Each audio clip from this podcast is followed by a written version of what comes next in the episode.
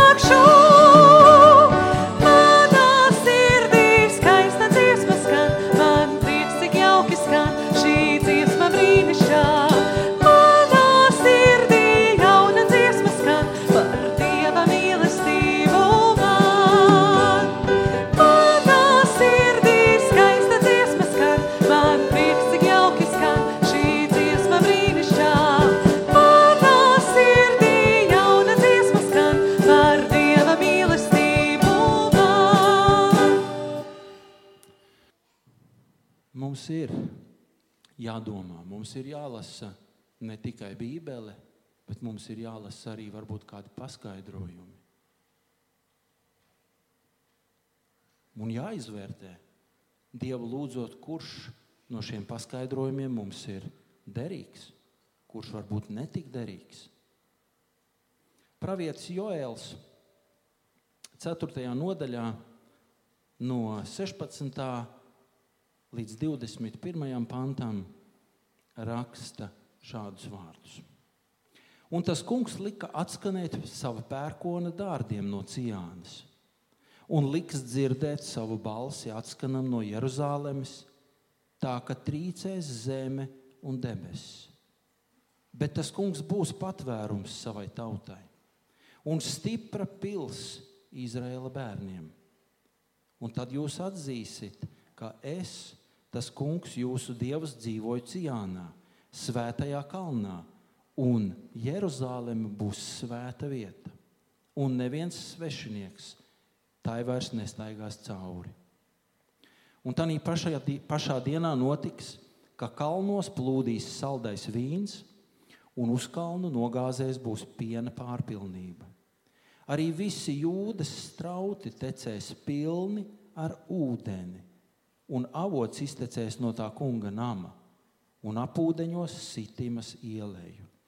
Bet Eģipte taps par tuksnesi, un par tuksnešainu klajumu ēdoma to noziegumu dēļ, ko tā atļāvās pret jūdas bērniem. Izliedama nevainīgās asins jūdas zemē, bet jūda būs mūžīgi apdzīvota un Jeruzaleme uz augu audzēm. Un es, tas kungs, atriepšu tās asins, ko es vēl nebiju atriebis. Un tas kungs dzīvos Ciānā. Mēs lasījām psalmu grāmatā, ka psalmists, dziesminieks raksta šos vārdus, cik ilgi kāds mani apsmies.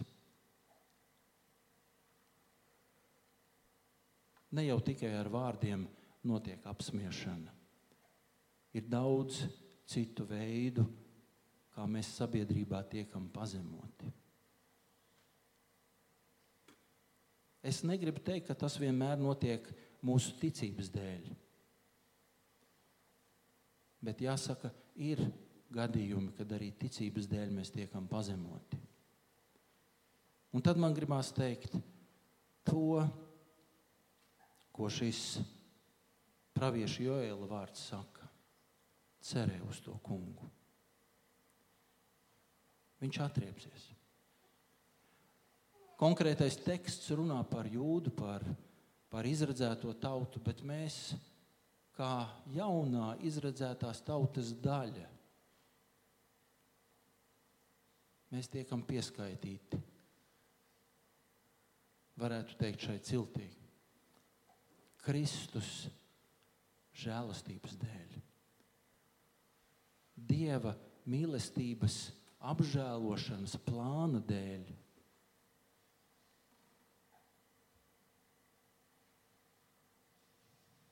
Vēstule, Pāvila vēstule romiešiem 12.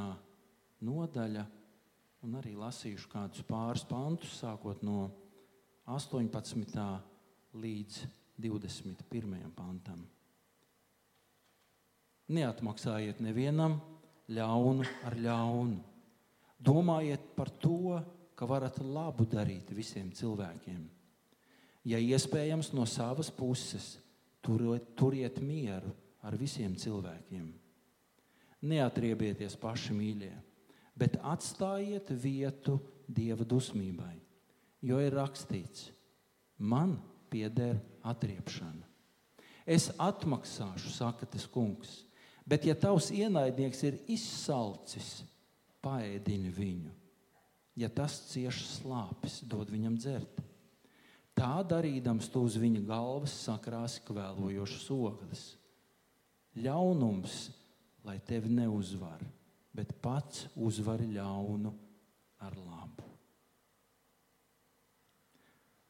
Vai cilvēciskā spēkā tas ir iespējams? līdz kaut kādai zināmai robežai. Līdz zināmai robežai mēs esam gatavi cilvēkiem darīt labu. Citreiz varbūt tas ir mūsu aprēķins. Nevar šobrīd iedomāties cits, citas, varbūt, versijas. Bet cik tālu? Kaut kad mūsu cilvēciskais resurs beidzās, un mēs ja ne skaļi, tad savā domās sakām, pietiek. Es vairāk nevaru. Visi mani apbiežo, pietiek. Bet mēs esam aicināti cerībā uz to kungu darīt labas lietas. Un es domāju, ka katrs no mums šīs pasaules tādā iekārtā nevienu reizi vien ir jutis kādu rūkumu.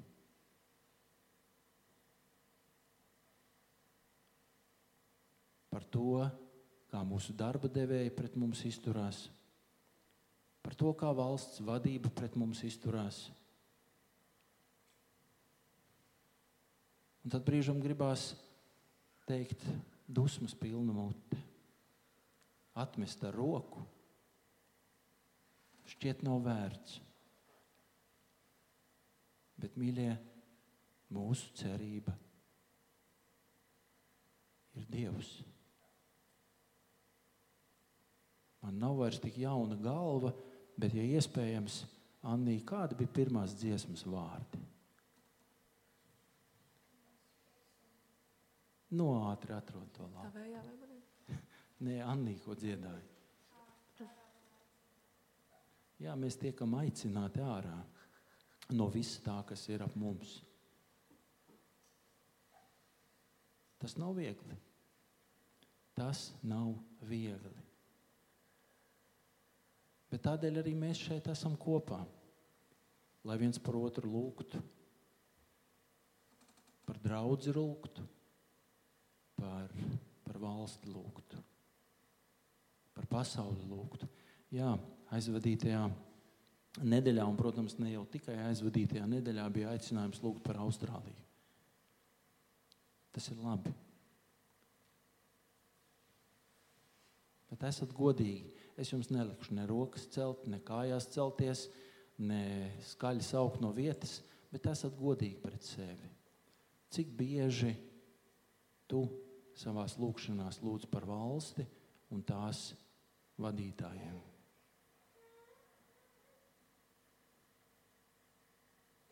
Kristus jau tajā laikā, kad viņš dzīvoja un staigāja šeit zemes virsū, teica vārdus, un tautu valdnieki apspiedīs. Tas jau nav nekas jauns. Tā tas ir bijis. Tad, kad Izraēla tauta sadumpojās, var teikt, pret Dievu, un viņi saka, pravietim Samuēlam, mums vajag ķēniņu tāpat kā apkārtējām tautām. Un Samuēls noskumis iet pie Dieva lūgšanā, un viņš saka, ko tagad darīt? Un Dievs saka, nu, neko, šajā gadījumā neko.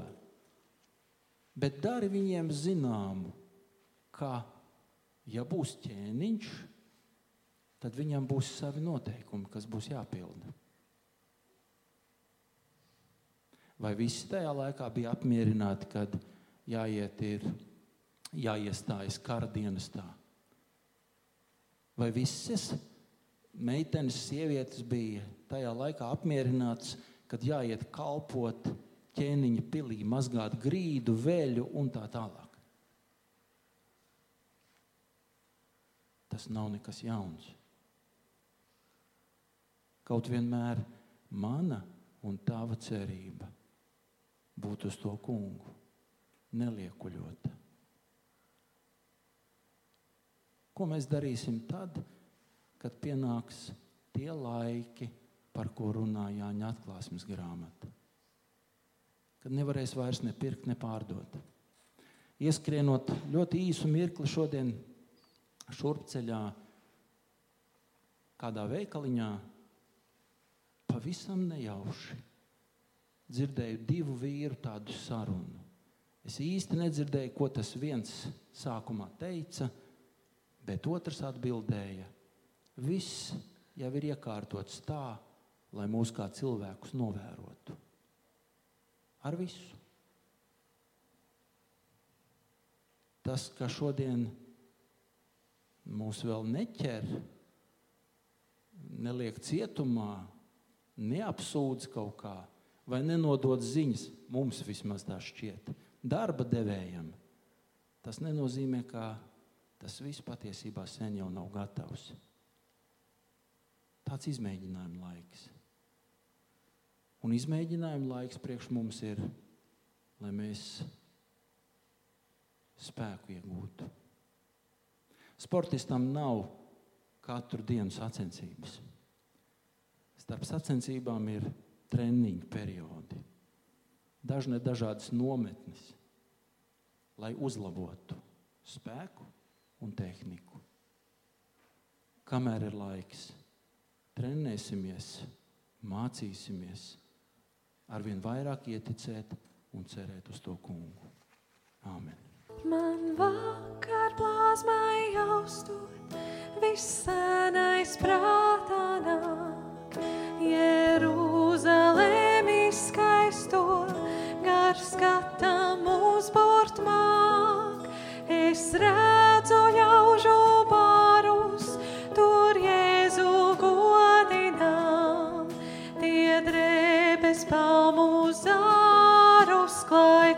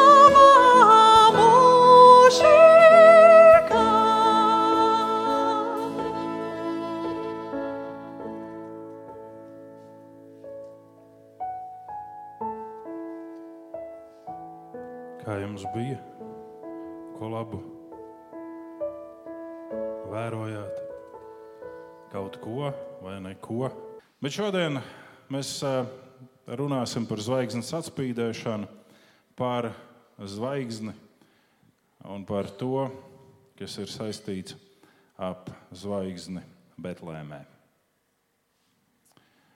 Īpašais notikums ar Jēzus piedzimšanu nebeidzās tikai tur kūtī, Betlēmē un pie silītes. Bet ir vēl kāds turpinājums, zvaigzne un gudro vīru no austrumiem apviesojums.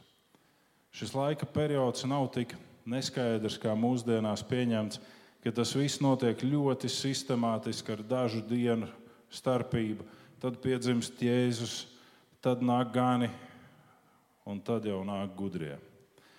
Un, un tur ir tāds mazs sajukums, jo braucot auto un klausoties kādus dievkalpojumus vai pārdomas, brīžam sakaitinos. Jo pirmkārt, Jēzus nepiedzima nec 24. ne 25. decembrī. Otrakārt, Jēzus kristīšana nenotika pēc zvaigznes dienas. Jēzus kristīšana notika tad, kad viņam bija 30 gadi aptuveni. Jēzus apgaizīšana notika astoņas dienas pēc dzimšanas. Apgaizīšana, mēs gribētu teikt, ka tā ir tā pati iezīmēšana, ko varētu minēt par kristīšanu. Nu, lai tā būtu. Pēters saka, ka tā ir šķīsta sirdsapziņas izlūkšanās, un apgaizīšanas rituāls bija konkrēta iezīme piederībai kādai tautai. Tā nav šķīsta sirdsapziņas izlūkšanās, kad tev atņem 8 mm no tavas dārgās ādas. Tā ir iezīme, ka tu piederi konkrētai tautai ciltī. Kristības ir šķīsta sirdsapziņas izlūkšana, dibinoties uz Jēzus Kristus augšām celšanu. Un līdz ar to arī to gudro ierašanās mēs varētu pieņemt, ka viņa ir uzreiz 11 dienas pēc Jēzus dzimšanas. Bet iespējams, ka tas ir laika periods, kurš ir mazliet garāks, kā tikai dažas dienas. Jo Heroda naids norāda apmēram uz šo vecumu. Jo viņš izjautāja gudrajiem sīki un smalki par to, kad zvaigzne ir parādījusies, kad viņa ir atspīdējusi, kā viņa ir vadījusi gudros līdz šai Jeruzalemes vietai. Kāpēc tieši Jeruzalemē, Jēzus dzimta Betlēmē? Eh, un kāpēc gudrie vairs neieiet kūtī, bet namā? To saka raksti. Tie ir jautājumi, kas mums liek padomāt, ka tas laiks ir bijis drusku garāks kā dažas dienas un Heroda naids pret bērniem, kas ir līdz divu gadu vecumam, kas ir jānogalina, arī liek domāt par to, ka tās nebija dažas dienas, jo tad visus jaundzimušos vienkārši uh, nogalinātu. Tas tāds mazais apskats. Taču šis viss laiks kopā sevi ietver periodu, kā jau es minēju, līdz apmēram diviem gadiem. Un ko sevi ietver šī zvaigznes atspīdēšana, un kas ir zvaigzne, jeb kas varētu būt zvaigzne? Mēģināsim to noskaidrot, jeb atbildēt, un rast kādu virzienu. Mata evanģēlijas otrā nodaļa, 10. un 12. panti. Kad tie zvaigzni ieraudzīja, tos pārņēma milzīgs prieks. Iegājuši tajā namā, te redzēja bērnu kopā ar Mariju viņa māti, un nokrituši ceļos, tie viņu pielūdza. Tie atvēra savus dārgumu lādes un pienesa viņam dāvanas - zeltu, vīrāku un mirras. Sapnī brīdināti pie Heroda neatgriezties, tie devās atpakaļ pa citu ceļu uz savu zemi. Āmen. Dievs svētī savu vārdu, svētī, kad mēs no tā mācāmies. Āmen. Šis atgadījums ar Jēzus piedzimšanu un zvaigznes atspīdēšanu mums atklāja vairākas nozīmīgas iezīmes, raksturojumus un faktus. Pirmais. Ne visi cilvēki grib ticēt Dievam un pielūgt iemiesoto Dievu. Piemēram, Herods gribēja nogalināt, jo baidījās par konkurenci. Rakstu zinātāji nespēja pieņemt, jo pārāk mazs nerunā, nestaigā, un kas zina, vai mums būs īstais mesija. Rakstu zinātāji izpēta pēc rakstiem, kuru mesijam vajadzētu dzimt pēc Heroda uzaicinājuma, bet viņi nav starp tiem, kas pielūdz mesiju. Iespējams, kādi no viņiem vēlāk ir tie, kas mēģina argumentēt un pierādīt, ka tu neesi mesija. Otrakārt, Mēs redzam, ka Dieva prāts nav mūsu prāts. Pat ja mēs esam zinoši, mums jāpaliek uzticībā, uzticības pilnā pazemībā. Gudrie vīri no austrumiem nesen redzēja kādu mazu bildīti, kur šie trīs gudrie pārdzīvo. Jo mēdz teikt, ka viņi ir astrologi, jeb māgi. Un tā bildīte nes to sašutumu, ka 21. gadsimtā Kristus būtu nosūtījis viņus uz elli par to, ka viņi ir astrologi. Iespējams, vai nu gluži viņi pētīja horoskopus debesīs. Nezinu. Bet iespējams, ka viņi vienkārši pētīja zvaigznes un zvaigznājus. Ar kādu mērķi? Mēs nezinām. Bet viņi bija zinoši, viņi bija gudri. Viņi redzēja zvaigzni, viņi saprata, ka šī zvaigzne rādīs viņiem ceļu, ka tā ir īpaša zvaigzne. Viņi bija tik pārņemti ar šo zvaigzni, ka tradīcija saka, ka viņi nenāk visi trīs no vienas vietas. Pirmkārt, vispār viņi visticamāk nav trīs. Viņi atnesa trīs dāvanas. Cik viņi ir, neviens nezina. Bet tradīcija saka, ka viņi bija trīs. Labi. Un viņi nenāk no vienas vietas. Viņi sastopās visi. Kāpēc? Dažādi, atšķirīgi ķēniņi, kā saka tradīcija, jeb gudri vīri, kāpēc viņi seko kaut kādai zvaigznes parādībai? Nē. Un tad gudrajiem nākas izmest kādu līkumu, jo viņi pilnībā neseko zvaigznei. Tā mēs teiktu. Bet Dieva vārds saka, lai raksti piepildītos. Viņi izmeta līkumu. Gudrie novirzījās no ceļa, lai pravietojums tiktu apstiprināts un piepildītos sludinātais. Viņiem nebija jāaiziet pat tiešo pie Jēzus, viņiem bija jāsakaitina Herods, kurš bija ambīciju, konkurences, greizsirdības pārņemts, lai viņš sāktu šo vardarbību, jo pravietis sludināja, ka brēkšana būs liela līdz ar Kristus dzimšanu. Mums to grūti saprast un pieņemt, un mēs sakam, Dievs ir ļauns, ja viņš šādi rīkojās. Nē, caur šo rīcību Dievs norāda uz cilvēka kādu nespēju pieņemt. Vai jūs gribat iet uz bērnu istabu? Nē, labi. Cilvēku nespēja pieņemt kaut ko. Un kā mēs esam mācījušies un mācāmies, tad šī ir tā mūsu kārdināšana, klupšana. Vai nu mēs pieņemam un ticam Dieva vārdam un apsolījumiem un teiktajam, vai mēs sākam pa savam to visu locīt. Un trešais, ko mēs redzam, ir kādi vadošie personāļi un elementi mūsu gājumā, par kuriem mēs varam teikt, tiem ir vērts sekot. Šiem gudrajiem no austrumu zemēm bija zvaigzne, kā ceļa norāde, kā vadonis un kā izaicinātājs. Jo šī zvaigzne izaicināja šos gudros nepalikt savā ierastajā vidē pie teleskopa, ja pie kādas ierīces, ar kuras palīdzību viņi vēroja zvaigznes. Bet izaicinājums bija atstāt savu vietu un doties un sekot šai zvaigznei. Mēs reizēm sakām, lūk, tā zvaigzne, kas pirmā ir redzama vakarā, tā ir tā īstā Jēzus zvaigzne. Vai patiesi viņi katru vakaru norāda vienā un tā pat vietā, bet tur Jēzus nav, jo viņš ir visur. Ne? Tā bija kāda īpaša zvaigzne. Kaut kas īpašs, kas ne tikai spīdēja debesīs, bet kas rādīja viņiem konkrētu virzienu, ceļu un vadīja viņus. Ne? Vai tavā dzīvē ir kaut kas, kā autoritāte, personība, būtne, kam tu seko un kura vada tevi? Vai tu esi kādam šī zvaigznes un izaicinājums?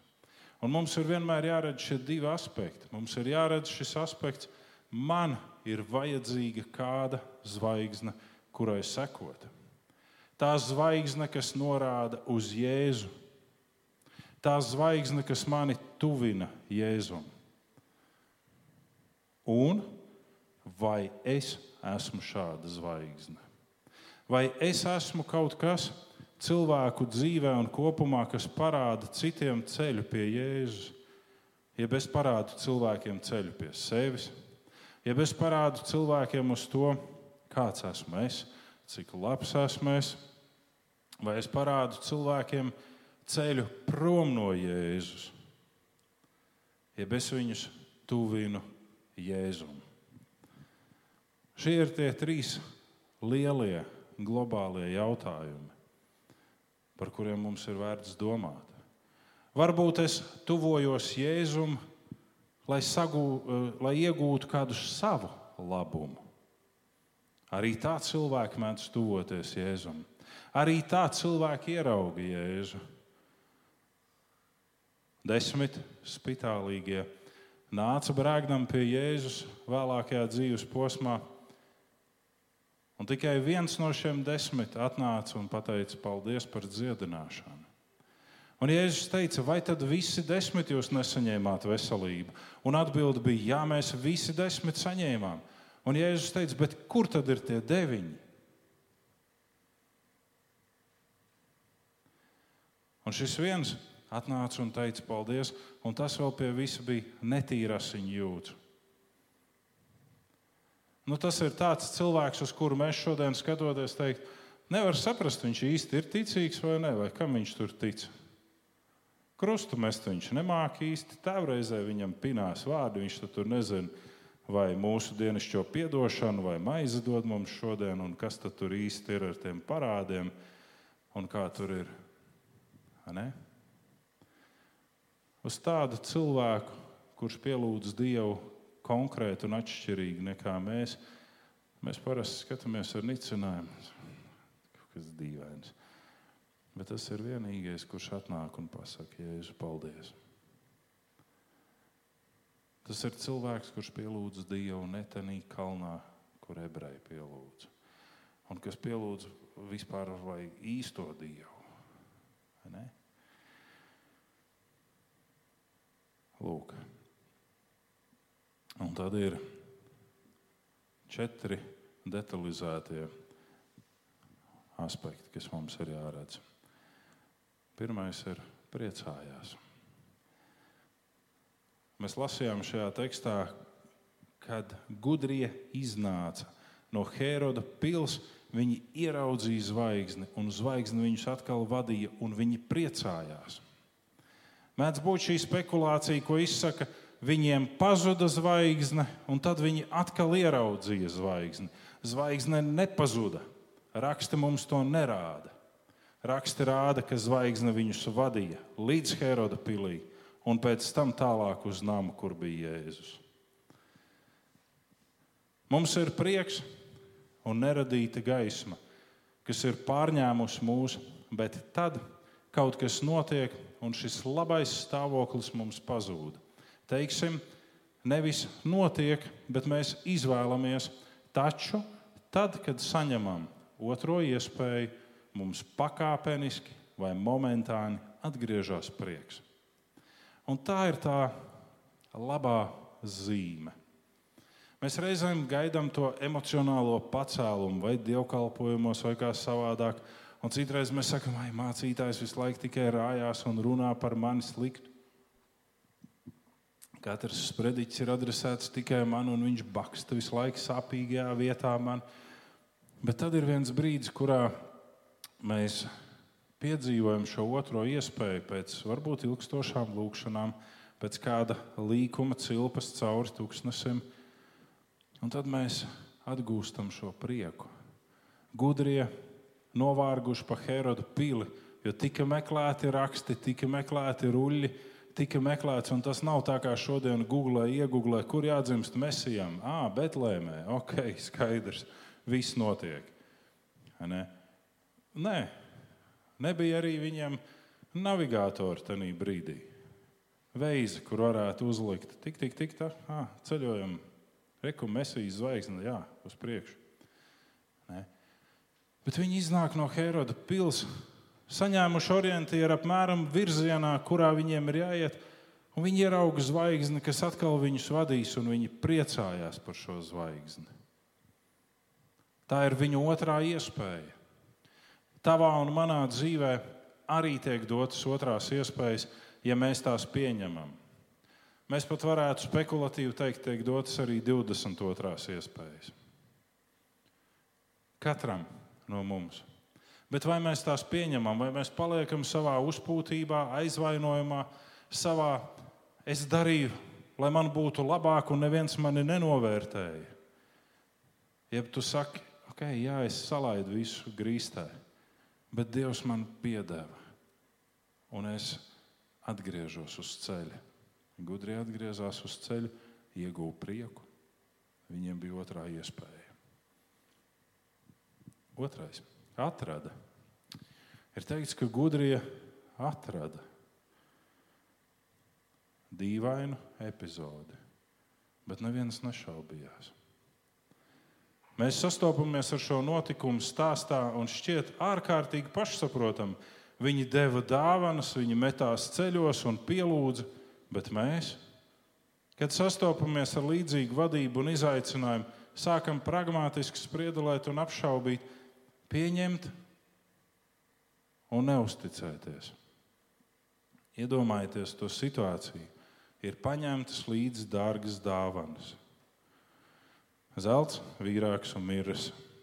Un ir mazs bērniņš, autiņos ietīts. Un ir 11-gadīga mamma, un ir tētis, kas arī paši ir mazliet apjukuši par to situāciju. Ko mums darīt?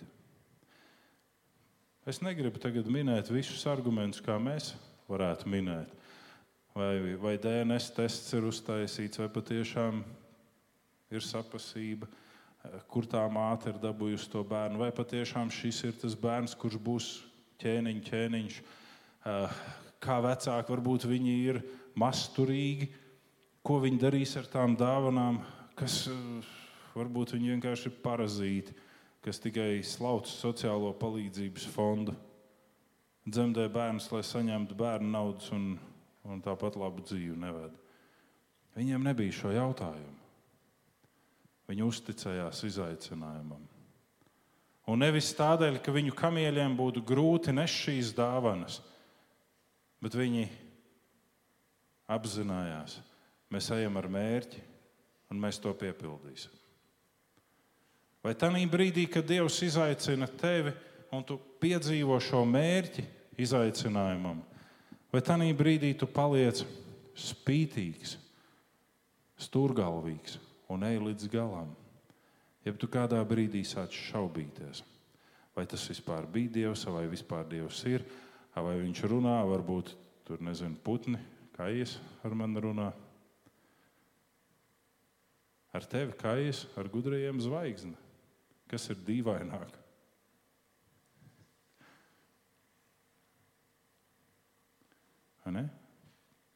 Zvaigznes vadīja gudros. Viņiem nebija šo jautājumu. Un viņi atrada to, ko viņi bija meklējuši. Un viņi pasniedza savus dāvanas. Un vēl vairāk viņi šī zīdaiņa priekšā nometās ceļos. Viņi izrādīja visā godavību.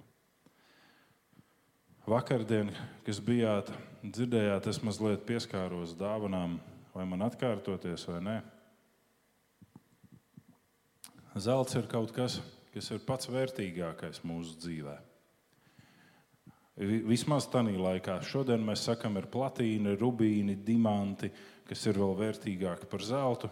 Bet zelts ir pats vērtīgākais tajā laikā. Un gudrie dod zeltu.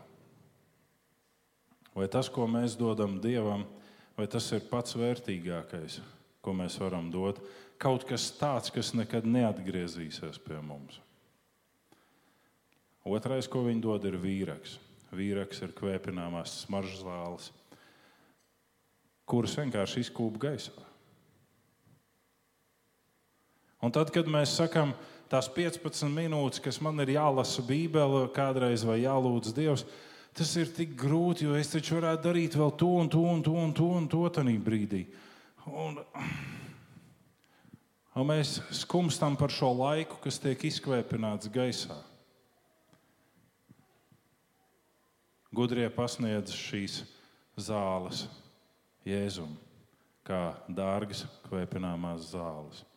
Un miras ir svētāmās zāles, ar kurām ieziež aizgājēji, un kuras vēlāk, kad sievietes iet sakopt kapa vietu, un nevis kā pa kopiņu, bet kā pa vietu, kur ir ala, kurā ir akmens galds, uz kura guļ aizgājējs.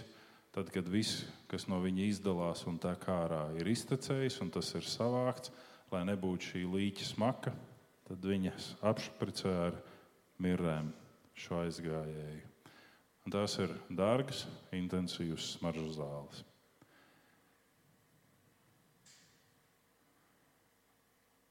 Vai mēs dodam Jēzum šo patīkamo smaržu?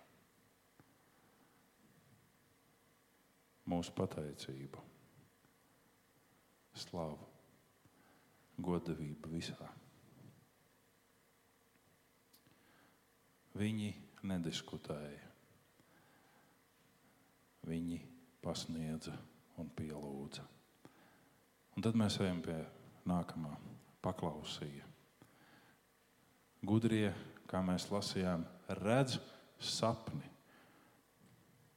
Šī paklausība var maksāt viņiem dārgi, bet visvairāk tā maksāja virkni ģimenēm un vecākiem sāpes un ciešanas, par kurām pravietis saka, ka pat attālākos apgabalos būs dzirdama šī raudāšana.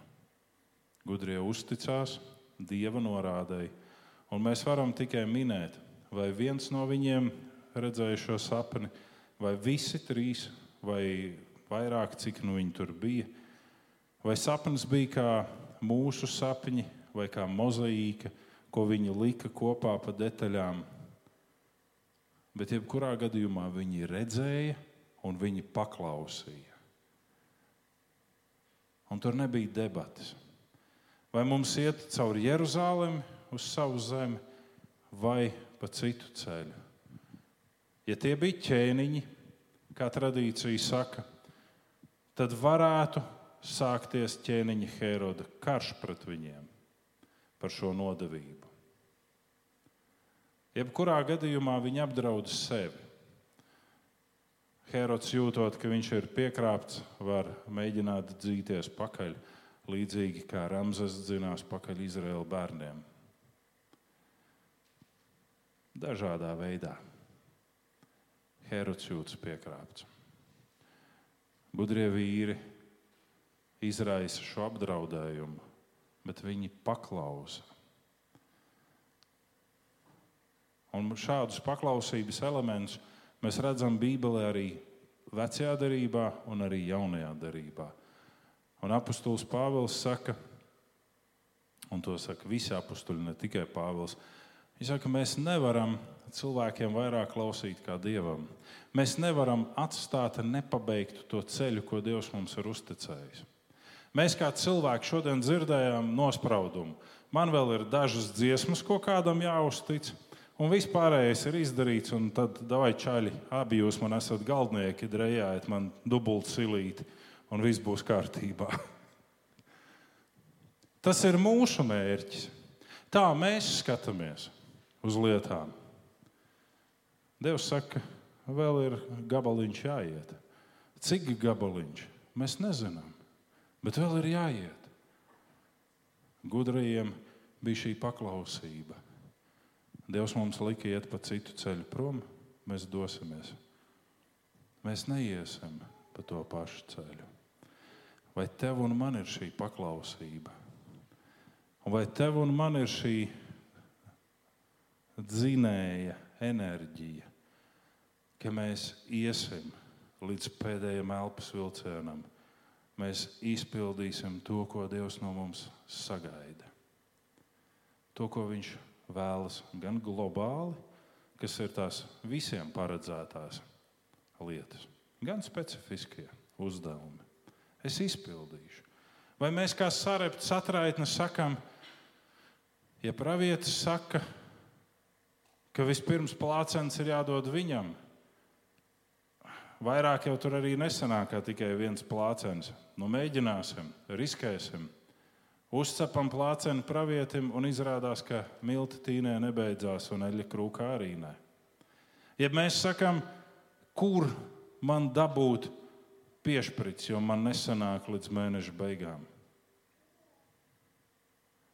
Vai mēs paļaujamies uz Dievu un paklausām Dieva vārdam vai nē? Vai mēs paklausām Dieva vārdam tajā brīdī, kad mēs izvēlamies savu dzīves vienīgo un mīļoto partneri, vai nē? Vai mēs skrienam pēc savām izjūtām un domām? Un sakam, Dievs, tu jau labāk nezinās par mani, ko man vajag. Man tagad baigi vajag. Es skrienu. Ne? Viņi paklausīja Dieva norādēji. Un mēs nonākam pie ceturtā. Vai tu esi zvaigzne? Vai tad es varu būt zvaigzne? Tev vajadzētu būt zvaigznei, nevis kas spīd un gozējās, tīksminās un zaigo un tad krīt, bet kā tādai, kas līdzināma zemes sālī un pilsētai kalnā. Tev ir jābūt kā ceļvedim priekš daudziem, gudriem un mācītiem, kas tiek vadīti pie Jēzus, pie iemiesotā dieva un glābēja. Vakardien, kad mēs dzirdējām Gata Mārtiņa runu un atbildes uz jautājumiem, es domāju, ka jūs ik viens piefiksējāt to kategoriju, kas visvairāk meklē palīdzību pie viņa. Gudri, izglītoti un visādā ziņā ietekmīgi cilvēki sabiedrībā. Vai tu esi zvaigzne? Ne tādēļ, ka tu varētu pateikt kaut ko tādu, ka visiem mutes paliktu vaļā vai aizvērtos ciet uz visiem laikiem. Ne jau par to ir runa. Bet vai tu esi zvaigzne, kas vada pie Jēzus, pie Jēzus, kurš guļ autiņos tīc, lai viņš var piedzimt šo cilvēku sirdīs? Lai viņš var augt šo cilvēku sirdīs, tad, kad viņi ir pieņēmuši šo pestītāju dzimšanu arī viņu dēļ. Vai tu esi zvaigzne? Mēs sakām, Bet tur jau nav rakstīts par zvaigzni, ka man ir jābūt zvaigznei. Nē, tur ir. Jo Daniela grāmatā 12.3 mēs lasām, tad gudriem ir dzēs kā spožas debesu jums zvaigznes. Tie, kas pie taisnības veduši daudzus, kā zvaigznes mūžu mūžam. Vai tu esi zvaigzne, kas vadi pie Jēzus, vai tu esi zvaigzne, kas vadi pie sevis? Lai Dievs svētī, ka mēs ik viens varam daudzus vest pie patiesā pasaules gaišuma. Un tad, kad mēs daudzus vedam pie patiesā pasaules gaišuma, tad lūgsim Dievu, ļoti lūgsim Dievu, lai mēs paši nepazustu. Jo reizēm tas vešanas prieks mūs tik ļoti pārņem, ka mēs varam paši apraipt un pazaudēt sevi. Un neviens vien tā ir pazaudējis sevi. Par to runā apustulis Pāvils, ka viņu laiva, kas ir pazaudējusi sevi, ir satriekta pret klintīm, kārdinājumu. Un arī citi par to runā. Vai tu esi zvaigzne, kas pazemīgi ved pie Jēzus un izplūsti pats pateicībā. Pateicībā par to, ka Dievs ir neaprakstāma un milzīga žēlastība. Un tas, ko mēs saņemam dzīvē, ir tas, ko mēs varētu arī nesaņemt. Bet mēs to saņemam kā bonusu. Līdzīgi tā kā veselības apdrošināšanas darba vietā vai papildu brīvdienas. Mēs saņemam dažādus svētību pilnus bonusus savā dzīvē. Vai Dievs var uz tevi paļauties kā uz paklausīgu, kā uz to, kurš priecājās un novērtē otro iespēju? Dievs svētī mūsu ikvienu šajā brīdī. priekšā nebūs. Viņi ir sarežģīti un ļoti gari. Bet tur, kur mēs katrs esam, mēs varam stāvēt kājās, nomesties ceļos, ja mēs varam. Un vienkārši izplūst pateicībā Dieva priekšā un vienkārši lūgt viņu. Un vienkārši teikt, te es esmu kungs. Es gribu būt tāda zvaigzne, kas daudzus ved pie tevis. Un kas tavā godībā var mirdzēt mūžīgi mūžam. Un šeit es būšu tik ilgi, kamēr es varēšu būt zvaigzne. Nevis kas gozējās lampu gaismās, bet kas gozējās tavā godībā. Un tavu godību caur ko mirdz un plūst pie cilvēkiem. Dziedāsim un lūksim.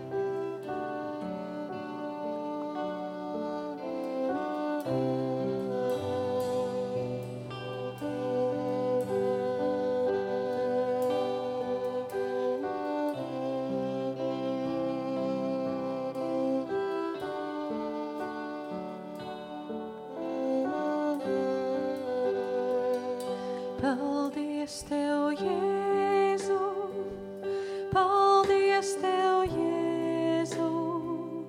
Paldies Tev,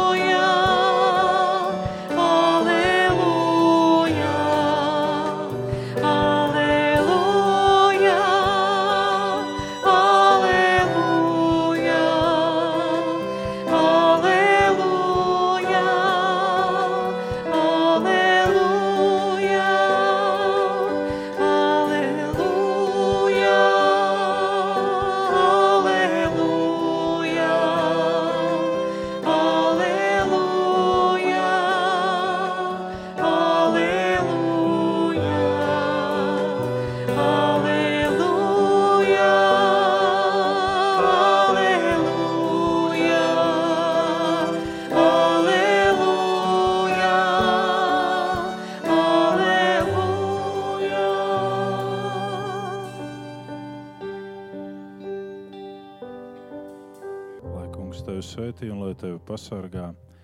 Lai kungs apgaismo savu vaigu pār tevi un ir tev žēlīgs. Lai kungs uzlūko tevi ar lapatiku un lai dod tev savu mieru.